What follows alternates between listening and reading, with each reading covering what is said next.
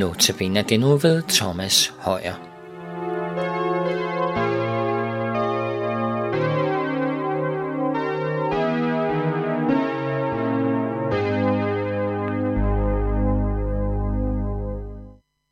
Velkommen til Notabene i Københavns Nærradio denne uge.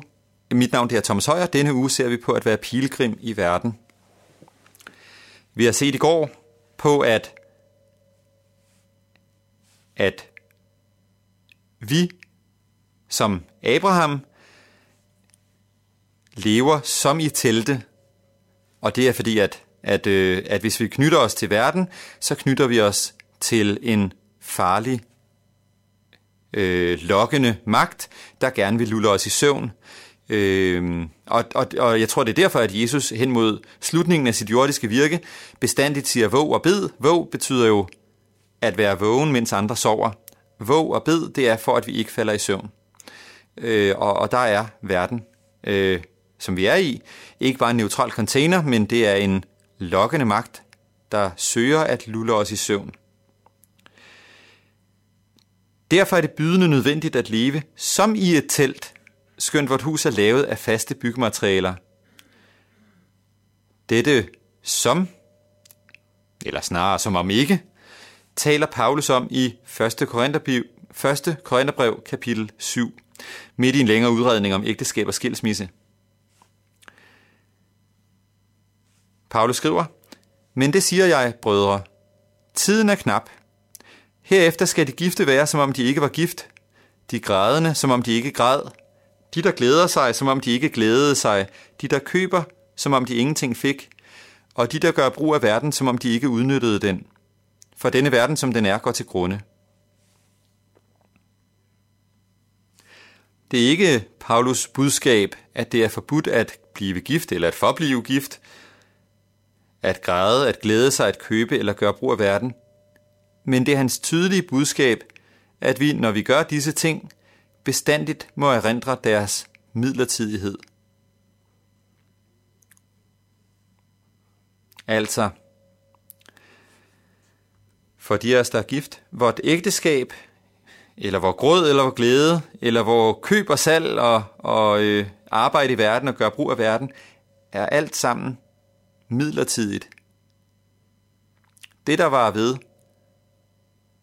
det er Gud, og det liv i evigheden, som han ved Kristi død har frelst os til, men ikke alle, der, alt, der hører denne verden til.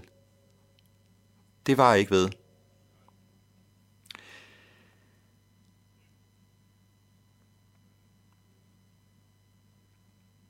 Det, jeg tror ikke, det er enkelt at, at være, som om man ikke var gift, eller at græde, som om man ikke græd, osv. Jeg tror ikke, det er enkelt at, at udleve dette, som om ikke. Det er som nævnt ikke en ydre stillingtagen, altså for eksempel at forlade sin ægtefælle, eller, eller øh, ja, holde tårerne tilbage, eller lade være med at græde, eller lade være med at glæde sig. Det er det ikke. Det, er ikke en, det, det kan ikke ses i det ydre. Det er en indre stillingtagen til de omstændigheder, der er omkring mig. En indre stillingtagen til at tilvælge Gud som den bestandige klippe, og at fravælge øh, tingene omkring mig, omstændighederne omkring mig, som klippe og grundlag for mit liv. Det er givetvis befordrende for denne erindring om tingenes midlertidighed, at undgå at omgive sig med alt for mange og alt for dyre ting.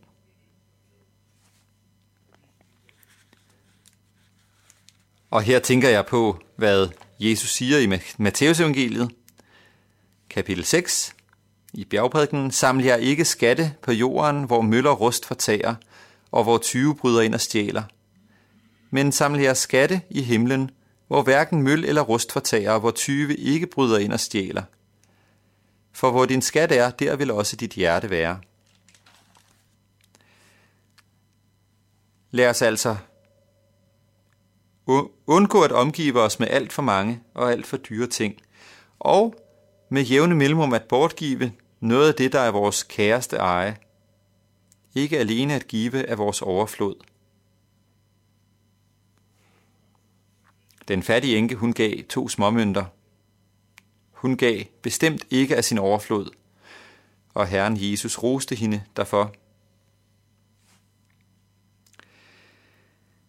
På den baggrund må vi spørge os selv, om der er en sandhed i det gamle kinesiske ordsprog, hvis du ejer mere end syv ting, er det tingene, som ejer dig. Ja, det er lettere sagt end gjort. Det, det, det kan være let at erkende, at jeg er i tingenes vold. Øhm, ja, det, det kan også være svært at erkende, at jeg er i tingenes vold, men, men, men når vi erkender det, så kan det, det er lettere sagt end gjort. Det kan sandelig være svært at, øhm, at give afkald, selvom jeg tror, det kan være nødvendigt at give afkald.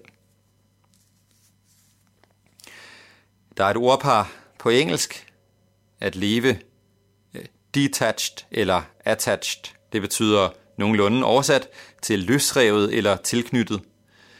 Og vi må spørge os, hvordan vi kan leve mere detached, altså løsrevet fra ting, ægtefælle, børn, ry, karriere,